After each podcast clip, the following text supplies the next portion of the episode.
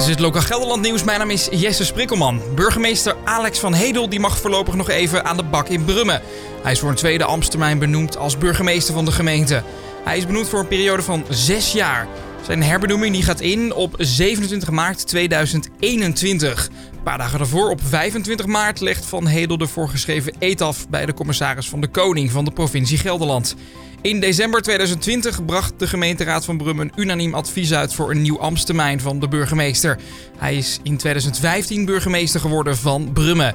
In Nederland moet de gemeenteraad een aanbeveling uitbrengen of een burgemeester mag blijven of niet. En daarna moet hij officieel herbenoemd worden of benoemd. En er zijn politieke partijen die dat een klein beetje vreemd vinden. Zo diende D66 vorig jaar een voorstel in om een burgemeester te kiezen. En ook de nieuwe partij Volt die heeft het in hun verkiezingsprogramma staan. Je hoort Kamerkandidaat Martin Gravelotte omdat de burgemeester uiteindelijk nog steeds de meest verbindende functie is in, uh, de, in een gemeente. Uh, als je al als, uh, aan mensen vraagt van wie is nou, wie, wie gaat er over deze gemeente, wie staat er voor ons aller belangen, dan wordt toch vrijwel altijd de burgemeester genoemd. En daarom willen wij die ook door de, door de, door de inwoners laten kiezen omdat zij daarmee ook zelf kunnen uitmaken wie dan die, degene is die hen allen verbindt. Als voorbereiding op de Zwarte Cross is de organisatie een positiviteitsoffensief begonnen. Ze hopen dat het evenement dit jaar georganiseerd kan worden en ze zijn flink promotie aan het maken. Langs de wegen in Nederland zijn borden geplaatst door de Zwarte Cross waarop staat: Wij gaan voor groepsimmuniteit.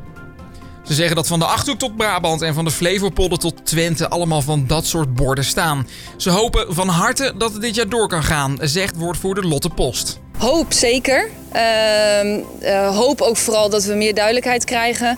Achter de schermen zijn we begonnen met voorbereidingen, maar Zwarte Cross is natuurlijk even nog een slag groter.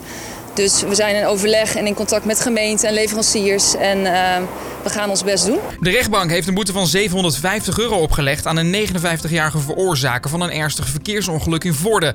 Op 29 augustus 2019 in de ochtend kwam de man in botsing met een motorrijder die daar uiteindelijk blijvend letsel aan overhield.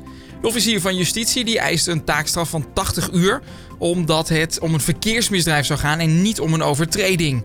Maar de rechtbank die ging daar niet in mee. Die vond een lagere straf passend. De automobilist die beweert goed gekeken te hebben en zelfs even te hebben gewacht.